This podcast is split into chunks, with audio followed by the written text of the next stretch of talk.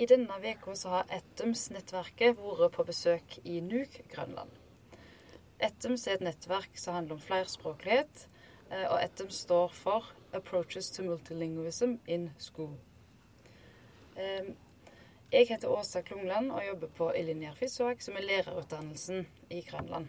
Eh, og jeg har hatt besøk fra Norge denne uka, og vi har hatt ei veldig innholdsrik uke med masse lærerike opplevelser og samle erfaringer innenfor flerspråklig perspektiv. Så jeg tenkte jeg kunne begynne med deg, Jorunn Hegna fra Universitetet i Sørøst-Norge. Hva sitter du igjen med eh, etter denne uka her? Ja, Da har jeg lyst til å trekke fram to ting. Eh, det første var et skolebesøk der vi hørte om et eh, prosjekt med Et rapprosjekt der elevene med en ganske vanskelig bakgrunn eh, lagde en rap. Eh, og der de gjennom denne estetiske læringsprosessen eh, fikk uttrykt seg og brukt sitt språk på en litt annen måte. Og det tenker jeg det her ressursperspektivet eh, på elevene, det er noe som er viktig å ta med seg videre. Og så var det mitt møte med Vivi Wold, som er en grønlandsforsker som traff på NAPA, altså Nordens institutt i Grønland og hennes perspektiv på hvilke maktstrukturer og kunnskapsstrukturer eh, vi bringer inn i akademia, og som kanskje noen ganger kan stå litt i konflikt med andre kulturers kunnskapsstrukturer og, eh, og også dette maktperspektivet. Og det eh, får meg kanskje til å reflektere over at veldig ofte når vi gjør endringer, så gjør vi det på grennivå istedenfor å gå mer eh, på rotnivå. Hvis man skal få til en endring, så, så er vi på grennivå, så får vi ikke til den endringen som vi eh, får til. Så det var noen perspektiver som jeg bringer med meg videre. Eh, tilbake til lærerutdanningen og til arbeidet med skoleutvikling, som er mitt område. Mm. Så kan vi gå videre til deg, Åsmund Åmås fra Universitetet i Sørøst-Norge. Hva tanker uh, gjør du deg om denne uka vi har vært her i Nuuk? Det har jo vært en fantastisk og lærerik eh, uke på mange måter.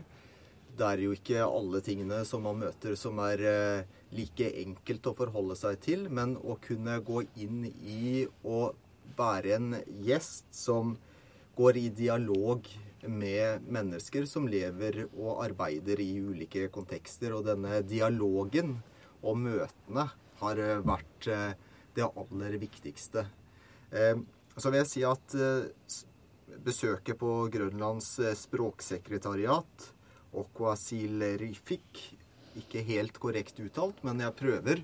Vi har jo snakket mye om det i denne uka her, at det å Flerspråklighet handler ikke bare om å kunne språk perfekt, men at man iallfall kan eh, bruke ord og ikke være redd for å gå inn i språkfeltet. Så, så det, det var eh, Altså, Grønlands språksekretariat de har jo en utrolig mengde arbeidsoppgaver. Og vi hadde et godt møte med der nesten alle av de ni ansatte var til stede, selv om de sto under et stort arbeidspress. De arbeider med stedsnavn, personnavn, språkbruk eh, og termer også i skole- og eh, universitetssammenheng. Så, så, det gav et bilde på hvor komplekst eh, dette med språk og identitet og hvordan man skal tilnærme seg flerspråklighet var noe som ble tematisert på en utrolig interessant måte for eh, oss som kom utenfra. Og så må jeg si at det å være med i slike nettverk, møte mennesker ikke sant, og, og, og kunne, og kunne gå, gå, inn i uten å ha løsninger på utfordringer som er lokalt, men å lære av dem, og ressursperspektivet, som Jorunn nevnte, og ta med seg perspektiver hjem, er eh, noe som jeg sitter eh, igjen med etter en eh, solfullt uke i Nok. Ja, takk. Eh, så kan vi gå over til deg, Jorunn Simones, òg fra Universitetet i Sørøst-Norge. Hva tanker gjør du deg eh, fra det vi har vært igjennom disse dagene i Nuk? Ja, jeg underviser i naturfag. Og der er Begrepslæring har hatt et stort fokus. Og grunnleggende ferdigheter. Men nå har jeg fått et nytt perspektiv som er, jeg skjønner er veldig viktig, og som bør få et større fokus. Og det er flerfaglighet i klasserommet. Dagene på Grønland med besøk og diskusjoner, det har gjort meg eh, mer bevisst på at det skal læreren eh, Skal vi utnytte den kompetansen som finnes i klasserommet, så må vi gripe fatt i eh, det språket som blir bruka av elever i skolen, på fritid og kanskje på nett.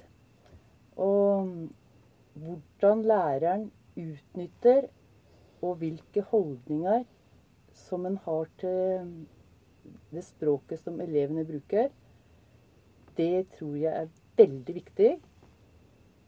Og det skal få et større fokus. Mm. Hva med deg, Heike Speitz, òg fra Universitetet i Sørøst-Norge? Dette har vært veldig interessante dager. Så for meg som har vært for første gang i, i Grønland, å høre grønlandsk og dansk så mye denne uken, um, har vært veldig spennende.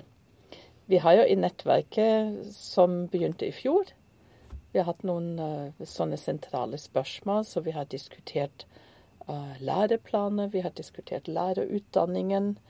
Um, I dag var vi på skolen, og vi har vel i løpet av den uken også mye tenkt på elevene. Altså og elevperspektivet i flerspråklighet i våre forskjellige land. Altså inkludert Finland, som nå dessverre ikke kunne være med denne, denne uken. Så hvordan opplever elevene det? Og Jorden nevnte allerede altså både skolen uh, og hjemme og det å være med venner. Um, vi, vi, mener jo at alle elever er flerspråklige, men hvordan er elevenes oppfatning av det?